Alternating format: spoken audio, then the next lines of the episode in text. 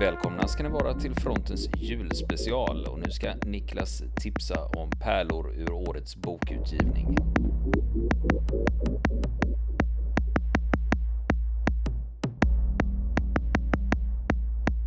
Ja du Niklas, eh, det är ju snart eh, jul. Ja, eh, Antågande. i år igen. Tänka sig. Ja, fast under lite speciella omständigheter får vi ju ändå säga. Ja, det blir nog inte... När det är lite isolerat och så. Ja, precis. Det blir nog ingen jul riktigt som alla andra. I år, kan man nog säga. Vi får väl ändå försöka slå på trumman lite grann. Och eh, tipsa om julklappar. Julklappar till andra med samma intressen eller till sig själv. För det är väl eh, någonting som jag kan tänka mig att många av våra frontkamrater är ganska bra på. Julklappar till sig själva. I alla fall jag. Ja, någon gång per år får man ju slå på stort. Liksom. Ja, precis, precis. Som sagt, och eh, jag hade faktiskt eh, laddat upp här på skrivbordet med en hel trave böcker eh, som har kommit ut det senaste året. Och som eh, man skulle kunna tipsa om som eh, lämpliga, lämpliga julklappar. Och eh, det är lite olika karaktärer. Allt har med krigshistoria att göra naturligtvis. På en, ena eller andra sättet. Och jag har begränsat mig den här till gången att det måste vara på svenska. Antingen då översatta böcker eller skrivna av svenska författare. Så vi, vi inte svävar ut i, eh, i, eh, i tips om, eh, om, om amerikanska böcker om Jeep-modeller 1944 eller någonting. För det finns ju oändligt mycket, gör det ju. Men utgivningen på svenska språket är ju ändå begränsad. Ja, det är den. Men den är inte fy skam ändå. Det finns en hel del att välja mellan. Gör det, så att säga. Och eh, jag tänkte faktiskt att först av allt prata om en roman. Skönlitterärt alltså. Ja, jag tänkte vi ska börja med skönlitteratur. Och det är, det är en dokumentärroman.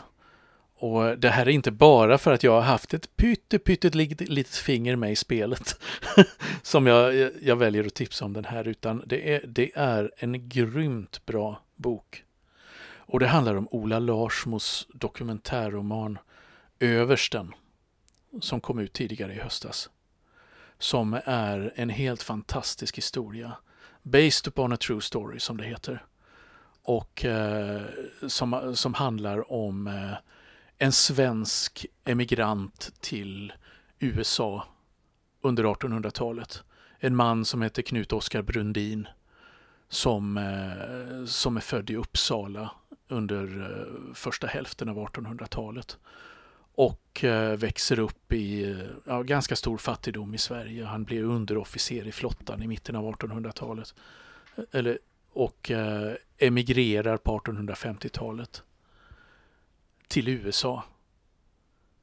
Och eh, där han, eh, där han eh, ja, börjar, efter många olika turer börjar studera på ett universitet i staten New York som heter Madison University och han blir baptist. Och medan han är där i USA, medan han är på universitetet, så bryter det amerikanska inbördeskriget ut. 1861. Och eftersom eh, Knut Oskar Brundin, eller Brody som han börjar kalla sig eh, i Amerika, har viss militär erfarenhet från Sverige, han har ju varit underofficer, så blir han snabbt kallad till att leda ett kompani, ett kompani av frivilliga. Och under inbördeskriget så tjänstgör han med det här kompaniet som ingår i ett regemente, infanteriregemente från New York. Eh, 61 New York Volunteer Infantry. Och deltar i de flesta stora drabbningarna på den amerikanska östkusten mellan, mellan de två stora huvudarméerna då. Nordstaternas Army of the Potomac och eh, sydstaternas Army of Northern Virginia som leds då av general Lee. Och det här är ju det här är fakta, fakta så långt att det här har hänt. Och han slutar alltså det här, han, han deltar i liksom en, han, han är med vid exempelvis då Fredericksburg, han är med vid eh, Chancellorsville och han är med vid Gettysburg och senare vid belägringen av Richmond, sydstaternas huvudstad då, i den stora drabbningen vid Petersburg. Och eh, det är några av alla de strider som han är med i. Och han blir alltså, leder alltså regementet och vid flera tillfällen, gör han. Slutar som överstelöjtnant eh, i det här kriget.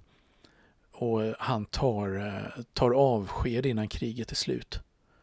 För att han, han är troende baptist och han har efter mycket funderande kommit, kommit fram till då att eh, han ska åka hem till Sverige och eh, organisera upp eh, liksom den här religiösa rörelsen.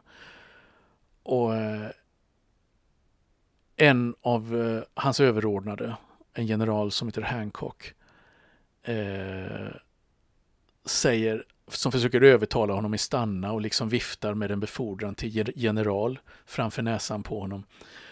Eh, bara konstaterar när, när Brody envisas om att han ska åka hem till Sverige igen att sällan har en människa missförstått sitt kall i livet så mycket som du gör. Och eh, den här mannen då, ja, han åker ju hem till Sverige och där så blir han en av förgrundsfigurerna i den här de, i, i baptiströrelsen och han insisterar på att resten av sitt liv då så kalla, blir han kallad för översten. Och han lever ända in på 1920-talet. Han ligger begravd då i, i Stockholm. Eh, på en av kyrkogårdarna där. Och han är alltså eh, de här skildringarna i den här boken omfattar en stor del av boken av hans upplevelser under det amerikanska inbördeskriget är mycket läsvärda. Eh, det är som jag säger, det är naturligtvis en dokumentärroman därför att mycket av hans livshistoria vet, känner vi inte till därför att det, kan, det saknas källor här och där. Och därför så har, har Ola Larsmo broderat ut lite då liksom och gjort det här lite mer med en lite mer skönlitterär touch då. För att det ska bli liksom ett, eh, ett lite mer fylligt människoöde då. Men de här eh, stridsskildringarna ifrån det amerikanska inbördeskriget är mycket väl researchade. Och eh, romanen är inte bara för den skull värd att läsa, men jag kan säga att där har man ett stort utbyte om man är intresserad av, av, eh, av den här perioden av eh, krigshistorien och läsa detta. Men hur nära sanningen ligger det? För i och med att det är lurigt här också eftersom det är en blandning. Va? Mm, man blandning. har ju vissa hållpunkter och stolpar som Jajamän. de facto är fakta. Jajamän. Sen förstår ju jag att när det gäller liksom dialoger och ja, sådana saker går ju inte att liksom... Nej. Där måste man ju få lov att brodera ut. Men på det stora hela så följer det ändå eh, verkliga händelser. Det och han följer. var där vid det Jajamän. slaget och då förde han befäl över det regementet. Och liksom. Jajamän. Mm. Det, det, följer det verkliga slaget och uh, de, de verkliga striderna. Eh, var han var med och där han inte var med och så vidare. Det, han var till exempel missade slaget vid Antietam då. Som var det, eller Sharpsburg som man sa i, i sydstaterna. Och som fortfarande idag betraktas som den blodigaste dagen i amerikansk krigshistoria. September 1862. Det missade han för då, då var han sjuk. Och, han och Larsmo håller sig till det här då också. Att, eh, ja, men vi kan ju inte hitta på att han var där när han inte var där. Liksom. Och han ger, ger ändå, målar upp det här, eh, de här eh, scenerierna då på ett väldigt, väldigt trovärdigt sätt. Gör han. Så att, och man får liksom en hint av hur det, hur det kan ha varit att vara en svensk emigrant, officer mm. i unionsarmén under inbördeskriget. Så att, eh, så att eh, ja, stark rekommendation. Och den heter? Översten av Ola Larsmo. Mm. Och den har kommit ut på ett förlag då som heter Kaunitz Olsson. Så att, eh, ja, en, en, ett bra tips från 1800-talet. Och när vi ändå är nere på 1800-talet och sniffar då så kan vi ju liksom hålla oss där lite till och sen backa några steg till. För en riktigt bra bok för de som är intresserade av den lite äldre militära historien. Det är Lars Eriksson Wolkes bok Stridens verklighet. Döden på slagfältet i svensk historia 1563 till 1814. Fantastiskt. Det är ju ganska, det är ju ganska långt spann i tid. Jajamän, det är en fantastiskt åskådlig bok. Då Lars Eriksson Wolkan är ju en person som vet, vet vad han talar om eftersom han är, han är militärhistoriker, professor på för, vid Försvarshögskolan i Stockholm. Och eh, en flitig eh, skribent och författare när det gäller populärhistoria. I den här boken då så, har han, så skildrar han eh, då en rad olika slag, bland annat och konflikter. Eh, han tar dem som exempel, eh, utgår från dem för att berätta om olika saker som har med, med krig att göra. Erfarenheten av kriget, hur var det egentligen att vara eh, var med vid eh, Landskrona 1677 eller vid Orravais 1808 eller vid Svensksund 1790 exempelvis. Och där han belyser liksom hur, hur han, eh, vad var det som fick de här soldaterna att slåss egentligen? Hur såg de på livet och döden? Och hur, hur hanterades de när de var, blev sårade eller när de var döda? Och hur, eh, ja, han pratar liksom om den här liksom, ja, en slags den fatalistiska gudstron liksom som, som uh, människor i gemen hade och kanske soldater i synnerhet på den tiden då att uh, det händer vad som det händer vad, det som händer händer och man kan bara lägga sitt öde i ja, hos någon högre makt och så vidare. Och uh, och eh, visar även då alla möjliga sådana här aspekter på det som eh, statens propaganda. hur, hur, hur, var det med ä, synen på äran egentligen och på belöningar och den här hårda lydnaden inom den militära svenska organisationen på de, under de här eh, långa tidsspannet. Det låter ju ändå som det är moderna frågeställningar. Det är moderna frågeställningar då på ett historiskt material. Ja, det är historiskt mm. material, men det känns ändå som en modern bok. Jajamän.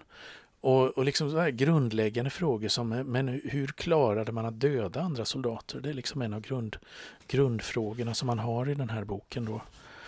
Eh, så att eh, den är ju faktiskt, det var en sån här bok som jag helt enkelt, den hade jag svårt att lägga ifrån mig. Så enkelt är det. Så att det, det, var, det är faktiskt en av de, de, eh, de största behållningar jag haft av läsningen under året. Kan jag säga så är det, är det, är det Lars Eriksson Wolkes bok Stridens verklighet. Mm. Och, och, just men, men ett, ett exempel där, bara, han tar upp ett exempel på en, en strid i Porra Salmi under Gustav IIIs krig 1789 mot, mot ryssarna. Och bara det avsnittet eh, liksom, om, man, om man ska uttrycka sig på eh, ett så liksom, krasst och lite ytligt sätt att bara det avsnittet är så jäkla spännande att jag fattar inte att man har gjort, inte har gjort film av det. Men för mm. det jag funderar på det är ju det här när man eh, ska spänna över en så stor tidsepok som han ändå täcker in här. Det, det, risken är ju att det blir lite snuttifierat och så är det lite nedslag här och där. Ja. Eh, eller alternativet är att du väljer en berättarstruktur där du följer utveckling. Ja, han, följ, han följer olika teman kan man säga och tar exempel då, fallexempel. Till exempel som jag sa det här med propaganda, ära och belöningar. Det har liksom ett eget, eh, och, och det, den kristna tron, hur, hur, var det med den bland soldaterna och sånt. Det, alltså, det, får, e, det får egna kapitel i det här och så tar han olika fallstudier då i det här och binder samman det då till en liksom större helhet i detta och hur, hur tränade man, hur utbildade man soldaterna, hur utbildade man soldaternas hästar och så vidare. Så att du liksom får, får det här på olika sätt och det ger, det ger så mycket mer än de, eh, än de klassiska eh, militära skildringarna från, eh, som man ofta läser på svenska kring, eh, kring den svenska militära historien. du får mycket mer av hur levde man, hur tänkte man, hur dog man. Ja, men det, var, eh, det låter ju onekligen intressant. Även om man inte, som jag själv då, som är så liksom, inte eh, ser mig som no, speciellt kunnig eller ens särskilt intresserad av liksom det som inte är 1900-tal eller liksom modern tid. Liksom. Så då kanske det här är en bra ingång då. Det kan vara en bra ingång, kan det göra det, för då får man en annan förståelse som man har med sig när man kastar sig in i, i, i andra böcker som handlar om konflikterna från de här århundradena, svenska stormaktstiden och, och, frihetstiden och Napoleonkrigen. Mm. Så att uh, wow säger jag, hög wow-faktor för detta. Uh, och uh, man kan också konstatera att det här året 2020 har varit ett bra år när det gäller böcker om underrättelsetjänst i olika former. Det har kommit ut en hel del titlar som är riktigt, riktigt spännande eh, när det gäller detta. Och eh, jag ska ta upp, eh, jag ska ta upp eh, två titlar som jag läst samt tipsa om två som jag ännu inte har hunnit läsa. Känn på den. som ja, sagt. Ja, ja. ja, men ibland kan man ju, kan man ju mm. Eh, liksom gå i god för den att ja. men allting pekar på att den här är exakt, bra. Exakt, och det är där vi mm. landar. Men jag ska säga att den första jag ska tipsa om det är, det är en nyutgåva av eh, en bok av eh, eh, historieprofessorn Willem Agrell. Det är, en, det är en uppdaterad utgåva av en bok som kom för eh, lite drygt 10 år sedan, kanske 15 år sedan, och som heter Stockholm som spioncentral. Och den handlar ju då om Stockholm under 1900-talet i tre eror så att säga. Första världskriget, andra världskriget och kalla kriget. Där han eh, berättar om hur hur eh, stormakterna använde Stockholm som en tummelplats i spionkrig. Och där, eh, just tack vare att Sverige var neutralt. Och eh, där det liksom blev en, eh, där Stockholm liksom blev en av få samlingsplatser för agenter, underrättelsetjänster och spioner från alla de krigförande makterna så har det blivit kallat ett Nordens Casablanca, Stockholm. Och, och inte nog med att han berättar spännande om, och liksom väldigt informativt om, om eh, olika underrättelsetjänsters arbete under den här tiden, i, under de här perioderna i, eh, i den svenska huvudstaden då, och lyfter fram intressanta personer som haft med det här att göra. Utan den här boken kan rent av fungera som en guidebok för den som vill gå i eh, underrättelsetjänsternas fotspår runt om i Stockholm och söka upp intressanta adresser och titta på. En helt, en helt annorlunda helg i Stockholm kanske. Så att eh, det, den är helt suverän. Jag kan se framför mig att när corona-eländet eh, har släppt så eh, kommer jag nog själv ta med den här boken under armen på en promenad i Stockholm och besöka flera, en rad adresser där jag inte har varit.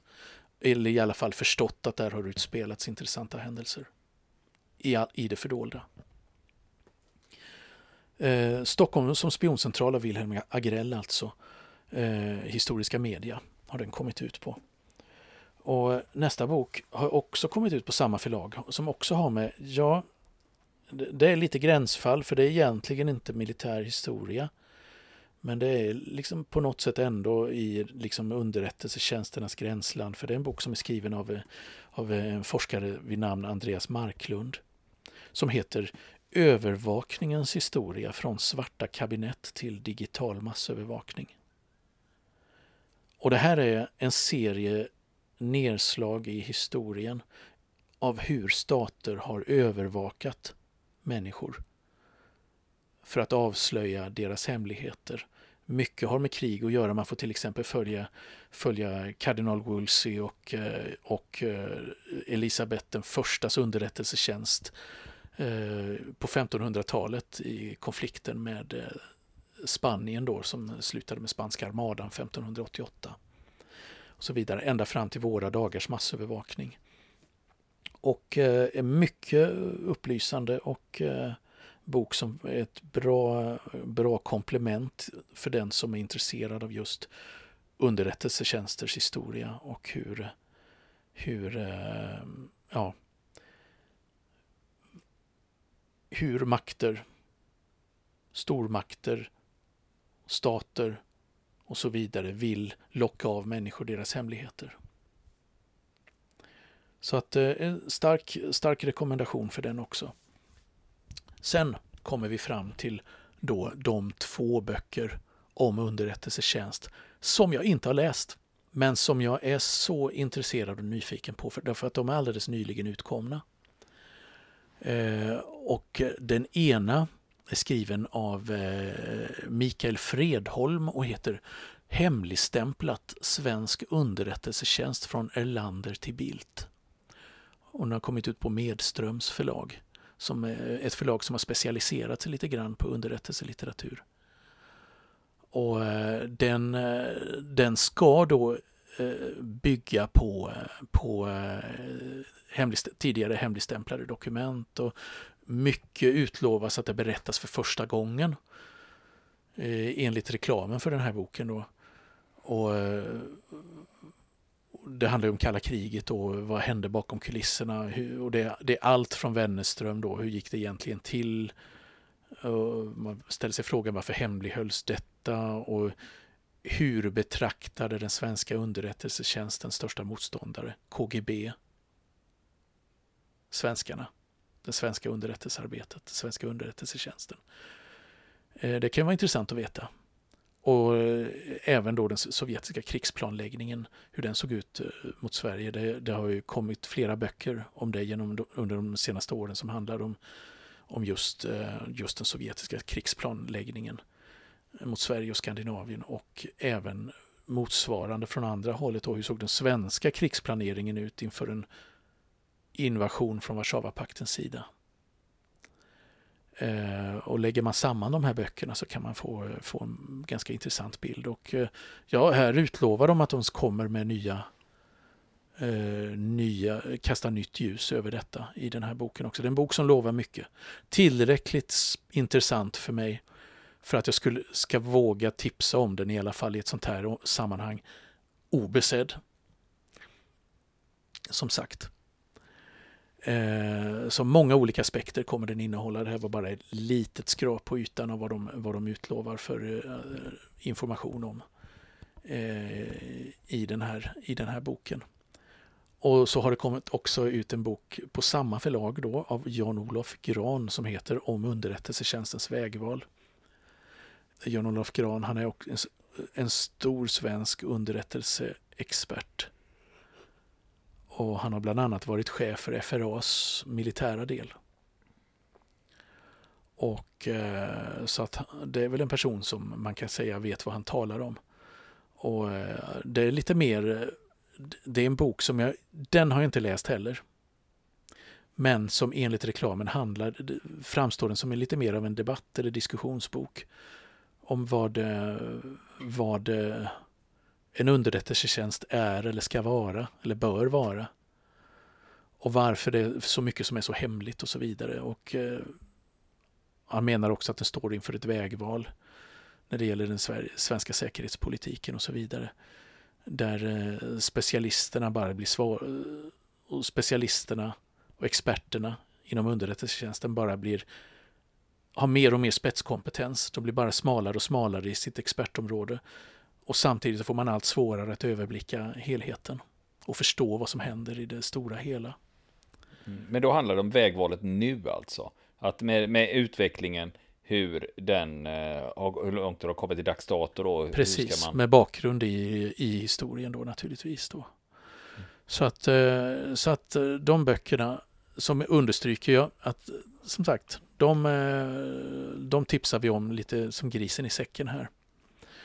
Eh, just för att de är, de är så nyligen utkomna och jag har helt enkelt inte hunnit öppna dem och titta i dem. Har jag inte. Så att eh, det är, eh, det är några riktigt bra tips.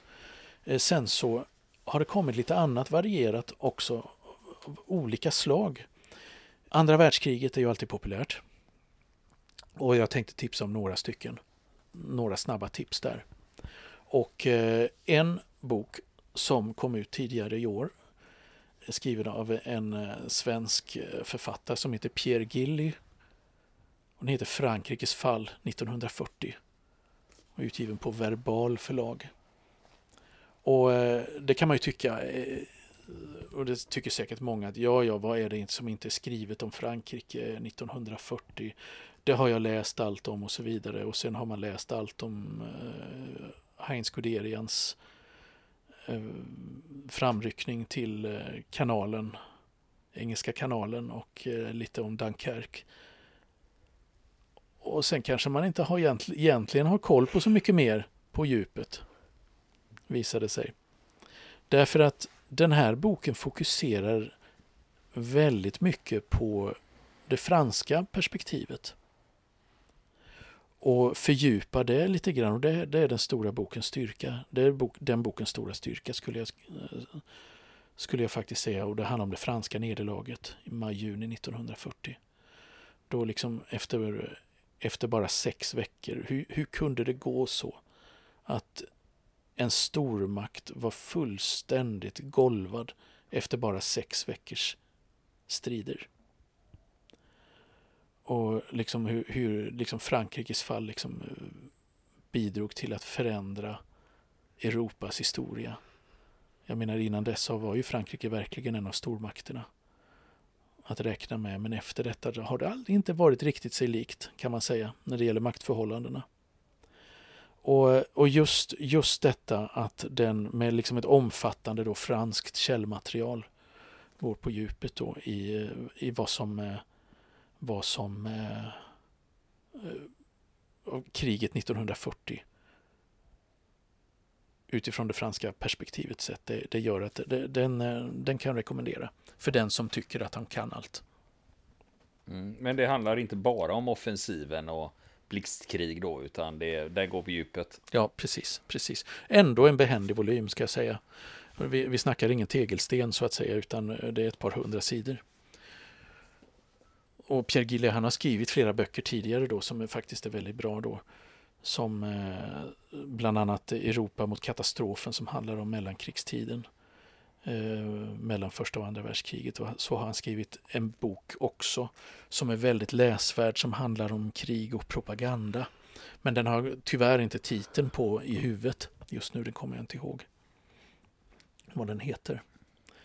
Och sedan så har vi det som jag tycker är en av årets bästa böcker på svenska.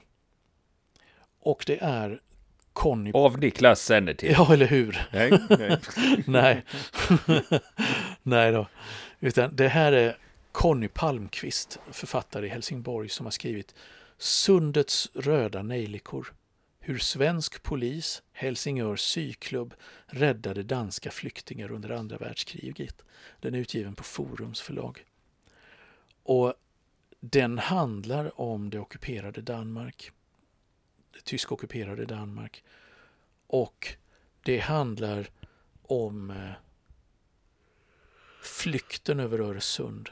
Alla flyktingar, inte bara de danska judarna som flydde hösten 1943 undan eh, de hotande eh, deportationerna till de nazistiska lägren.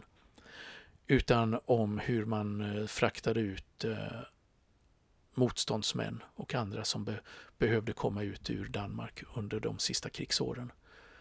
När marken började bränna under deras fötter. Eh, och det här var ett unikt samarbete, den här smugglingen, mellan en liten motståndsgrupp i Helsingör som kallar sig för Helsingör syklubb. För att ha ett oförargligt namn. Liksom. Och ett antal svenska säkerhetspoliser i Helsingborg. Och hur det här samspelet gick till.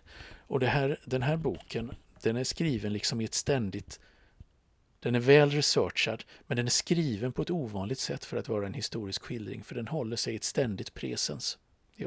Den utspelar sig i ett ständigt nu hela tiden som gör att det blir olidligt spännande och man hela tiden liksom får en känsla för, ja men vad visste de och vad visste de inte?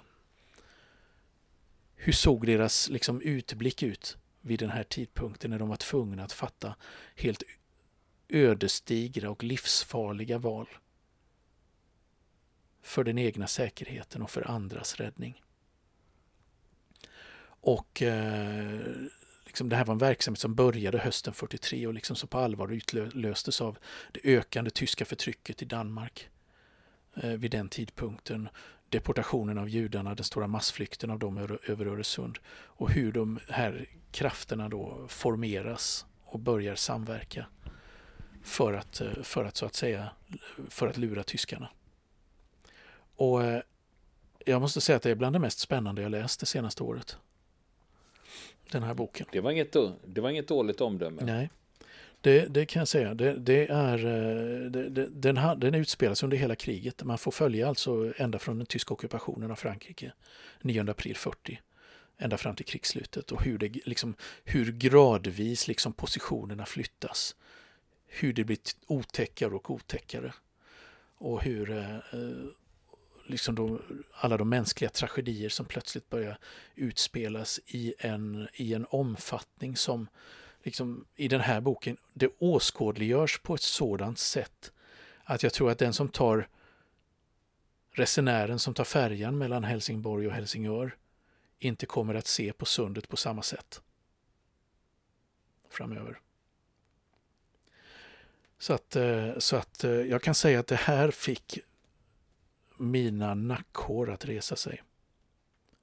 Den här skillingen, den är oerhört stark. Är den. Så ett stort, en stort eh, liksom, varm rekommendation för Conny Palmqvist, Sundets röda nejlikor. Och när vi så är inne på det här med rent militärhistorisk litteratur så kan vi, måste vi naturligtvis ta upp Hugo Nordlands militära misstag som kom tidigare i, i år och som är en eh, fantastisk liten översiktsbok då, som handlar om eh, ja, när det inte går så bra på slagfältet helt enkelt. Eh, och vad det är i olika historiska drabbningar som gjorde att eh, det gick åt skogen för den ena sidan. Eh, och Hugo Nordland, de flesta eh, militärhistoriskt intresserade de känner, till, känner igen hans namn för att han var han är historiker i botten och var eh, under några år chefredaktör för tidningen Militär historia. Och han gör utifrån sitt kunskapsförråd då, så ger han många, många liksom också tematiskt upplagt här då. Eh, och exemplifierat med olika fallstudier då av olika slag. Och det är liksom teman som liksom när, när underskattar man sin motståndare? Eh, när ja, är man för, rent av försumlig med liksom fatala följder? När har man struntat i logistiken och förlorar på grund av det? När är man på fel plats vid fel tillfälle? och så vidare. Och sen de överambitiösa planerna. Som också, som till exempel eh, då exemplifieras då med den spanska armadan 1588. Och, eh, och Midway, japanska striderna, slaget i, sjöslaget i Stilla havet. För när du sa att du skulle köra, du skulle prata om böcker som utkommit under 2020. Då tänkte jag, men herregud, jag har inte läst någonting. Men eh, det är faktiskt, men Hugo Nordlands militära misstag har jag ju faktiskt läst. Ja, just det. Så det är en av... Mm. Vad säger du om den då? Det är ju så att det finns en annan bok som har exakt samma titel som också heter Militära misstag men som är skriven av Saul David. Då tänkte jag, men hur mycket blåkopia kommer det här att bli då? Okej, men det var ju inte så mycket blåkopia av varandra då va? Nej, mer än titeln då. Men, mer än titeln då, ja precis. Ja. Och eh, okej, okay, men sen finns det vissa saker som man liksom inte kommer runt, till exempel Custer, Little Big Horn. Nej, precis. Och sådana grejer. De finns ju med i bägge böckerna, va? Men utöver det så har ju Hugo Nordland haft en, ett annat urval, va? Mm. På de här exemplen. Ja, precis. Och som sagt, rappt skriven och eh, väldigt informativ. Och eh, ger bra perspektiv på sakerna. Får man komma med ett litet andra världskrigstips till ett pyttelitet. Och det här, det här är lite pinsamt för här talar jag nästan i egen sak. För att jag har haft ett fingerspel med, med i spelet i den här boken. Eh, det, det kan, jag, kan jag inte neka till. Jag har varit med och skrivit ett av kapitlen i den. Men det är många framstående eh, militärhistoriker, eh, både på akademisk nivå och eh, andra mer fria författare då som har, har varit med och, eh, och skrivit varsitt kapitel i en bok då som där Anders Franksson har varit redaktör och som heter Sverige under andra världskriget, myter och legender. Och där varje kapitel handlar om eh, så att säga en, eh, en, en myt och vad som ligger eh, bakom den egentligen. Som till exempel då så skriver Anders Enborn och besvarar frågan var Sveriges beredskap verkligen god? Och, och eh, Lars Eriksson Wolke svarar på frågan ville den svenska militären strida på Finlands sida under vinterkriget 1939-40? Och Anders Franksson eh, ställer frågan om den svenska järnmalmen faktiskt avgjorde Norges öde. Och eh, Kent Zetterberg, professor militärhistoria, eh, ställer frågan att sa Sverige nej till Tyskland och tog därmed stor, stora krigsrisker under andra världskriget och så vidare och så vidare. Då. Och Gustaf von Hofsten för övrigt då tar upp frågan om var Sverige verkligen i krig med Sovjetunionen. Det är ni. Det finns många, detta och många till då, många intressanta frågeställningar avhandlade i ganska korta kapitel då i den här boken. Eh, som man eh, liksom eh, definitivt inte behöver läsa från perm till perm utan man kan ta lite då och då. För att kapitlen är fristående i den. Men eh, kan också vara ett tips. Eh, så här i, eh, i jultider och den har kommit ut på Lind och Company. Den boken. Anders Franksson, Sverige under andra världskriget, myter och legender. Mm. Du, det kom ju en annan bok i år eh, som eh, också handlar om eh, Sverige under andra världskriget som heter eh, det är Aron Flams En svensk tiger. Eh, nu har inte jag läst den överhuvudtaget, men eh, det har ju varit mycket förvirringar kring den eftersom det blev en rättssak av det. Oerhört mycket förvirring och med missförstånd på grund av okunskap och medvetna missförstånd av de som har velat sprida ett visst mm. narrativ och så vidare. Så att det har varit en oerhört förvirrat. Har det varit. För det som författaren gick ut med där, det var ju att han hade blivit censurerad för den här boken var så skadlig för Socialdemokraterna. Och det, det, var ju inte det det handlade om, utan det var ju en upphovsrättstvist om symbolen en svensk tiger som beredskapsmuseet eh, utanför eh, Helsingborg har eh, rättigheterna till. Så det var ju aldrig, det var ju aldrig fråga, men, eh, men författaren vill göra det att jag blir, jag blir tystad här. De, det är regeringen som inte vill att boken ska ges ut och det var ju inte det som Nej. det handlade om. Men det spelar ju honom i händerna då liksom och så spreds det liksom. Ja, precis, precis. Mm. Och det var, ju, det var ju en marknadsföring så god som någon, för jag tror att den såldes i ganska många exemplar.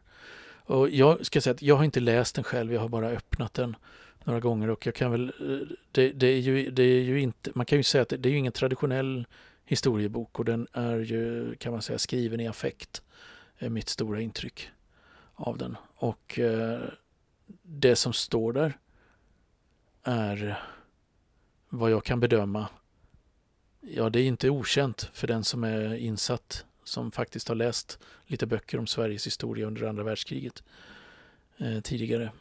Och då behöver man ju inte ha trängt så djupt in som till eh, akademiska, de akademiska avhandlingarna och så vidare, utan eh, ja, det, den har framställts som att den avslöjar en massa nya saker, har det gjort, men eh, tillåt mig tvivla.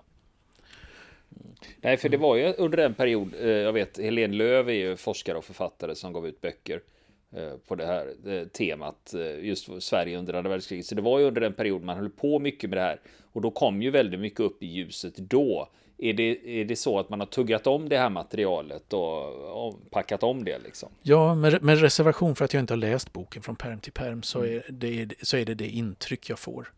Men men som sagt, eh, det, jag har också eh, liksom mött och pratat med många personer som har läst den å andra sidan som tycker att den, är, den, den har gett dem många aha-upplevelser får man ju också säga till om man ska säga något positivt om, eh, om boken. Och eh, då kan man ju hoppas att den kanske fungerar som en, en ingång för dem som har blivit lite mer intresserade av att ta, ta reda på hur det verkligen låg till. Och så, att den kan fungera på det sättet. Mm. Ja, för de som är militärhistoriskt mm. intresserade så gick ju inte det här spårlöst förbi och då blir det konstigt om vi hoppar över det. Ja, liksom. just det. Just det. Eh, ja, nu kan vi se. Nu börjar högen böcker på mitt bord minska lite grann här. För nu har vi betat av en del. Jag har några till. Hinner vi med dem tror Ja, ja, det var vi kör på bara. Mm. Då har jag, eh, ja vi kan väl klämma i med en, eh, en liten andra världskrigsbok till. Så ska vi gå över och prata om annat sen. Eh, nej, förresten två. jag tänker efter. Och, och det ena, nu kommer vi också till ett, ett kapitel som är så oerhört uttjatat. Och det hörs redan i titeln. Hitlers död, sanningen om den 30 april 1945. Luke Daly Groves heter författaren, brittisk eh, historiker som har skrivit en liten, eh, liten näpen volym på ett hundratal sidor. Och varför i hela friden ska man läsa ännu en bok om Hitler och bunkern i Berlin och så vidare. Har inte varenda sten vänts på? Har inte allt sagts och skrivits redan? Das war ein Befehl! Just det, precis. Och det kan man tycka, men samtidigt, den här boken fyller en bra funktion, en, en liksom god funktion därför att den tar fram det allra senaste forskningsläget på ett väldigt pedagogiskt sätt. Vad, och röjer liksom i fakta och myt. Vad vet man och vad vet man inte? När det gäller vad som hände den där dagen den 30 april 1945. Och orsaken till att den har kommit till är faktiskt att det har börjat spridas återigen oerhört mycket konspirationsteorier. Inte bara på nätet utan de så kallade kabel-tv-kanalerna, History Channel och, och Discovery och de andra, de är inte dåliga heller på att eh, spotta ur sig dokumentär, så här spekulativa dokumentärer som överlevde Hitler verkligen? Vart tog han vägen i så fall om han gjorde det? Kanske försvann han till Sydamerika och så vidare och så vidare. Där man bygger liksom eh, korthus på lösan sand liksom. För att eh, liksom kunna berätta en spekulativ historia. Och det där har gjort, har gjort att man, eh, man kan se väldigt mycket på, i, i sociala forum hur eh, ko, olika konspirationsteorier och missförstånd har börjat spridas igen och få ny mark.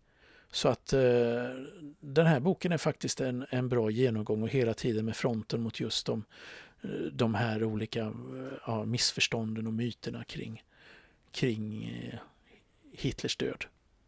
Som, eh, som faktiskt ja, kan vara bra att uppdatera sig på. Så att därför kan man rekommendera den lite grann i förbifarten. Så att säga. Och sen slutligen så har det kommit ut en bok. Eh, en, det är en brittisk bok från början eh, men eh, som har kommit ut på svenska i höst. Som, var har jag den för någonstans här? Den heter Jack Fairweather heter författaren och han är en reporter. Och han har skrivit en bok som heter Frivillig i Auschwitz, en sann historia. Hon har kommit ut på Norstedts. Och varför vad har det här med liksom krigshistoria att göra? Jo, boken handlar om Witold Pilecki. En polsk motståndsman, en polsk kavalleriofficer. Och det här är en fantastisk historia som är väl känd i Polen eh, efter murens fall. Eh, där eh, då den blev på allvar liksom, eh, ja, i väst hade den varit känd innan dess. Men, eh, men i Polen blev den inte, liksom var den förbjuden att berätta den här historien om Witold Pilecki Eh, fram till, eh, fram till eh, kommunisternas fall.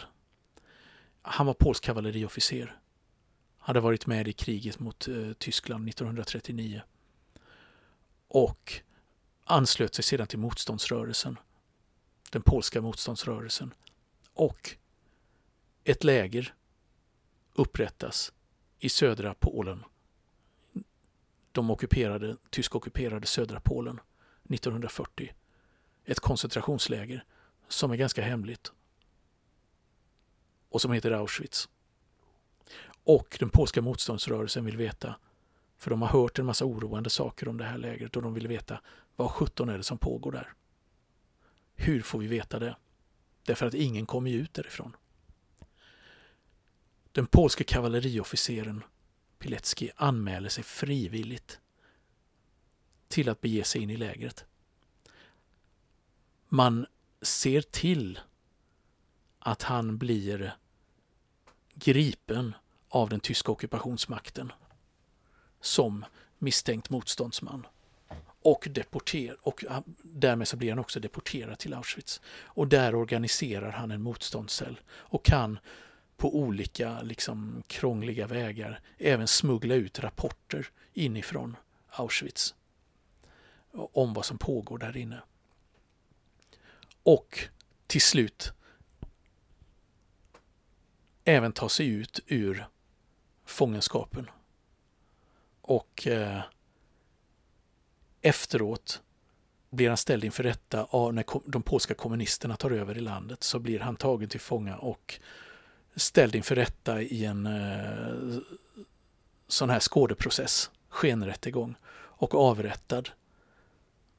Anklagad för att vara västspion. Alltså det här är ett, eh, det här, det här är ett fantastiskt människoöde. Och om, jag brukar vara väldigt sparsam med att använda ord som en riktig hjälte. Och, men i det här fallet så är det, kan man väl nog säga att det är ganska motiverat att prata om en sådan. Och eh, den ger den eh, läsvärd, lit, kanske lite ytlig på sina ställen, eh, bok om Witold Pileckis öde. Kan jag rekommendera starkt. Bra tips till den som vill läsa lite mer för att det finns, det här är den första boken på svenska om honom. Vad sa du att den hette? Boken heter Frivillig i Auschwitz, en sann historia. Norstedts förlag för övrigt. Och eh, ja, nu var det slut på andra världskrigshyllan här. Men eh, det finns ju några till. Det har bland annat kommit ut en bok om Napoleons fälttåg av Magnus Olofsson på, på eh, eh, historiska media. Magnus Olofsson är historiker och ger i den här boken då som är, är på lite drygt eh, 100, jag ska se här, den är på nästan 200 sidor. Så ger han en, en lättfattlig pedagogisk eh, översikt över över eh, Napoleonkrigen och Napoleons fälttåg. Nej, nu ska vi bort en skrapa för när jag, lyfter på, när jag lyfter på böckerna här så finns det faktiskt en till som jag glömt att nämna och det är ju Lars Gyllenhaal. 200 svenska sevärdheter från andra världskriget.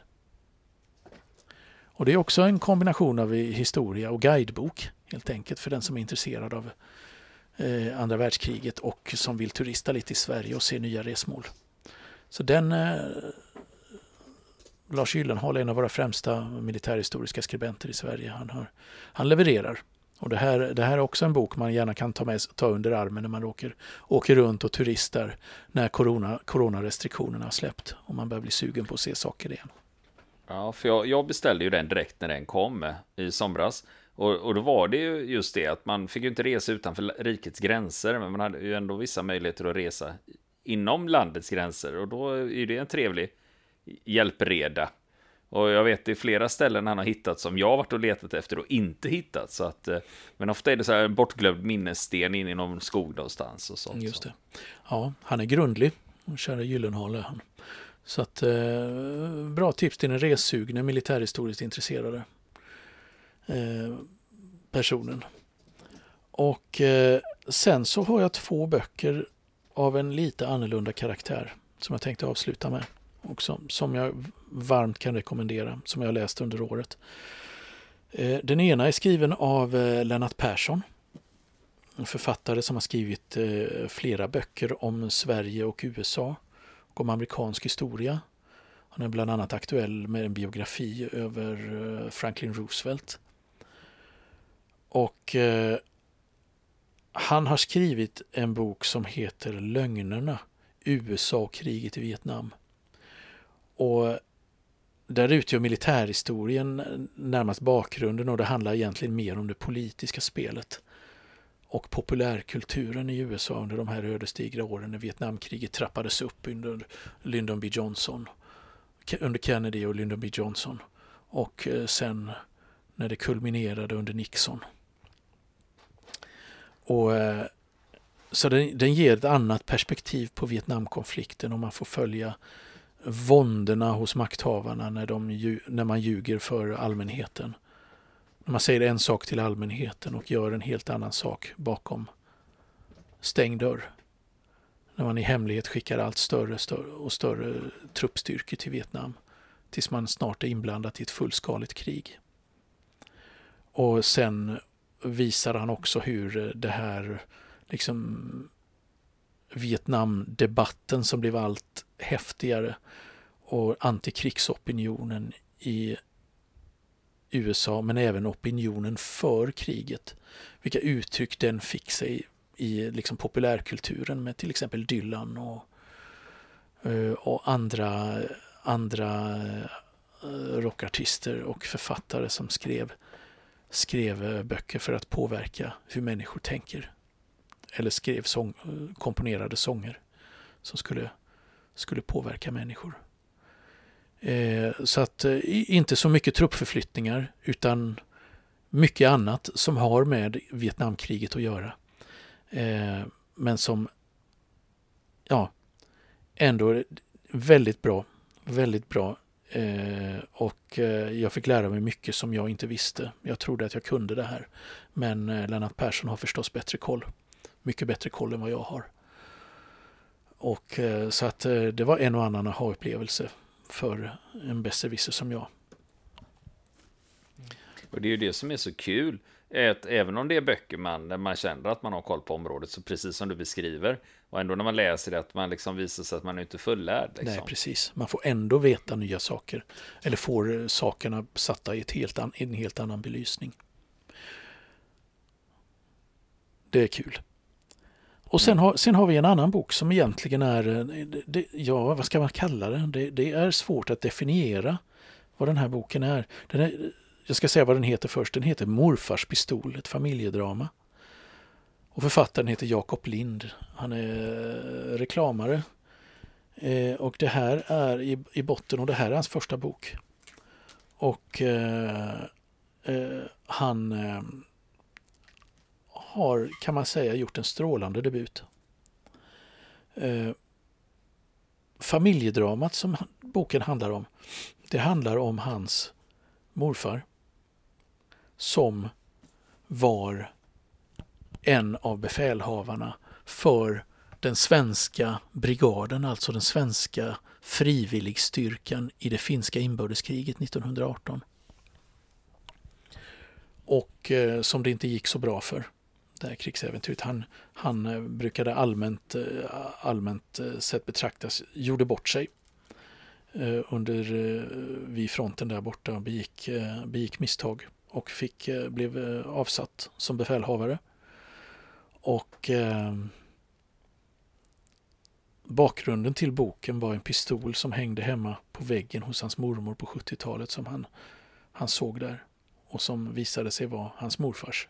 Och han har helt enkelt gett sig ut på ett detektivjakt för att ta reda på att vad sjutton var det egentligen som hände med honom. För han hade, hade ett, eh, ett, eh, kan man säga, väldigt udda öde, eh, den här mannen. Eh, som heter Hjalmar Frisell och eh, som eh, liksom mer eller mindre blev skandaliserad. Liksom det som hände under inbördeskriget det förstörde hans karriär, karriärmöjligheter kan man säga. Och eh, han fick söka sig fram i livet på helt andra håll i världen. Bland annat i Afrika efteråt.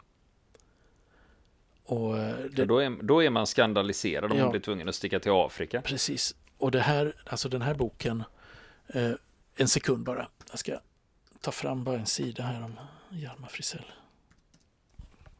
Jo, precis. Alltså, han, alltså, om man ska säga något om Hjalmar Frisell då som eh, i grunden då så var han ju, han var ju officer i svenska armén, reservofficer, kom från en, en, en släkt av eh, en familj av bruksägare, brukspatroner. Eh, och eh, blev chef för då svenska brigaden 1918. Och eh, fick lämna befälet då efter att eh, ha gjort en illa genomförd insats vid Tammerfors. Och sen så lämnar han Sverige då och han bland annat så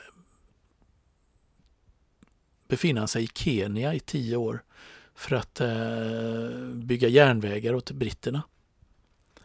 Och eh, han har ju skrivit då flera sådana här folklivsskildringar då av av, eh, eh, av livet i Afrika och så vidare, bland, med den eh, tid, tidsperiodens synsätt naturligtvis då, lite tropikhatt på.